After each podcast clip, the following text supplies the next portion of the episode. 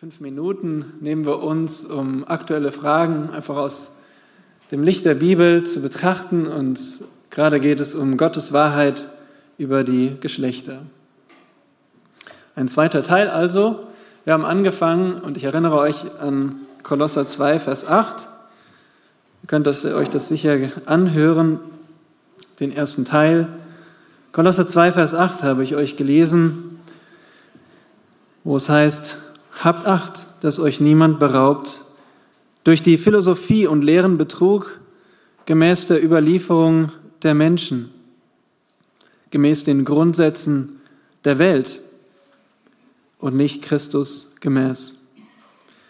Wir haben uns den Transgenderismus angeschaut als eine Philosophie, als eine Philosophie, als eine Weltsicht. Und darauf gehe ich jetzt nicht näher ein. Diese Weltanschauung, kurz zusammengefasst, zum einen, dass es nicht nur das biologische Geschlecht gibt, sondern auch ein gefühltes Geschlecht und das unterschieden wird. Und der zweite Punkt dieser Philosophie, dass es nicht nur zwei Geschlechter gibt, sondern viele Formen.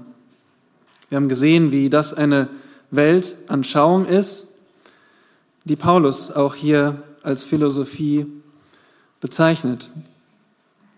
Außerdem, dass es ein, eine Überlieferung der Menschen ist, dass es nichts Neues ist. Es gab es schon zur Zeit von den Kanaanitern. Und dass es den Grundsätzen dieser materiellen Welt entspricht. Dass es nichts Geistliches daran ist, sondern eine fleischliche Vorstellung. Und jetzt kommen wir zu den letzten drei Worten in diesem Vers. Nicht Christus gemäß. Transgenderismus ist nicht Christus gemäß. Nun warum? Paulus hat so herrlich angefangen in diesem Brief, und ich erinnere euch an den Vers 15 in Kapitel 1, wo Paulus von Christus schreibt, dieser ist das Ebenbild des unsichtbaren Gottes, der Erstgeborene, der über aller Schöpfung ist. Denn in ihm ist alles erschaffen worden, was im Himmel und was auf Erden ist, das Sichtbare und das Unsichtbare, seines Throne oder Herrschaften oder Fürstentümer oder Gewalten. Alles ist durch ihn und für ihn geschaffen. Christus ist also der Schöpfer. Er hat zu Beginn Mann und Frau geschaffen. Und Christus bestimmt auch damit deine Identität.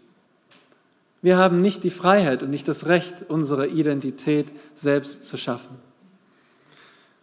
Christus ist auch, wie es hier heißt, er ist das Haupt des Leibes der Gemeinde. Er, der der Anfang ist, der Erstgeborene aus den Toten, damit er in allem der Erste sei. Denn es gefiel Gott, in ihm alle Fülle wohnen zu lassen. Wie ist Christus der Erstgeborene aus den Toten? Nun, er wurde Mensch und deswegen konnte er sterben. Er wurde Mensch und das drückt Paulus so aus, dass in ihm alle Fülle Gottes wohnte. Gott wurde Mensch und das war schon vorher angekündigt. Denkt an 1. Mose 3, Vers 15. 1. Mose 3, Vers 15 haben wir die erste Ankündigung für das Kommen Jesu, wo er als der Same der Frau bezeichnet wird. Und da heißt es, er wird dir den Kopf zertreten, sagt Gott zu der Schlange. Er ist maskulin Singular. Das heißt, bevor der Mensch Jesus schon da war, war es schon vorherbestimmt, dass er ein Mann sein sollte. Wir lesen weiter in Jesaja Kapitel 7, bekannten Vers, den wir auch, an den wir zu Weihnachten denken. Die Verheißung an das Haus David. Darum wird auch der Herr selbst ein Zeichen geben. Siehe, die Jungfrau wird schwanger werden und einen Sohn gebären und wird ihm den Namen Immanuel geben. Weiter lesen wir in Kapitel 9, Vers 5.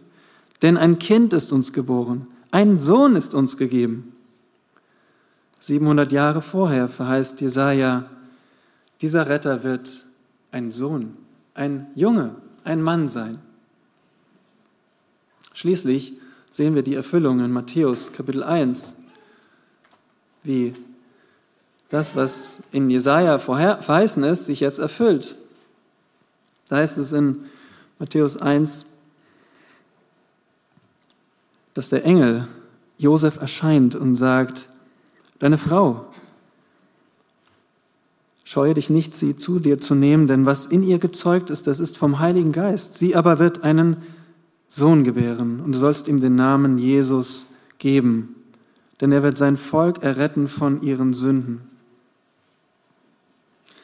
Wir lesen nur eine Begebenheit aus, dem, aus der Kindheit Jesu, als er zwölf Jahre alt ist, als er zwölf Jahre alt ist und in den Tempel gebracht wird. Ja, da heißt es, dass er unter den Lehrern saß und ihnen zuhörte. Wisst ihr, Mädchen durften nicht einfach in den Tempel gehen. Das war die, die Rolle eines Jungen, das Wort Gottes dort zu lernen und, und im nächsten Jahr, im 13. Lebensjahr, dann volles Mitglied zu sein der Gemeinschaft und auf das Wort Gottes, das Wort Gottes zu lernen. Jesus war nicht verwirrt über sein Geschlecht. Er hat seine Rolle angenommen als Junge. Und schließlich hat er eins häufiger gesagt als alles andere. Er hat sich am häufigsten als der Menschensohn bezeichnet, der Menschensohn. Er nahm seine Rolle an, schon als Junge und schließlich als Mann. Und so ging er ans Kreuz als das Lamm Gottes, als der Mann der Schmerzen. Und er wurde auferweckt als der Erstgeborene aus den Toten. Nun, ihr Lieben, wir sehen daran, unser Vorbild, der Herr Jesus Christus, der war nicht verwirrt über sein Geschlecht. Und sein Beispiel zeigt uns, dass es keinen Unterschied gibt zwischen biologisch und gefühltes Geschlecht. Nein, er zeigt uns, er hat schon vorher Ihm war schon vorher bestimmt, dass er ein Junge, ein Mann sein sollte. Und so hat er diesen Willen angenommen. Wie kann es dann sein, dass wir, die wir wie Christus werden sollen, dass wir jetzt meinen könnten, wir wären nicht das, wozu Gott uns geschaffen hat? Bist du ein Junge, dann lebe als Junge. Bist du ein Mädchen, dann lebe als Mädchen. Bist du ein Mann, dann lebe als Mann. Und bist du eine Frau, dann lebe als Frau, denn so folgen wir Jesus Christus nach. Und so schützen wir uns vor der Philosophie, die uns gefangen nehmen will. So leben wir Christus gemäß. Amen.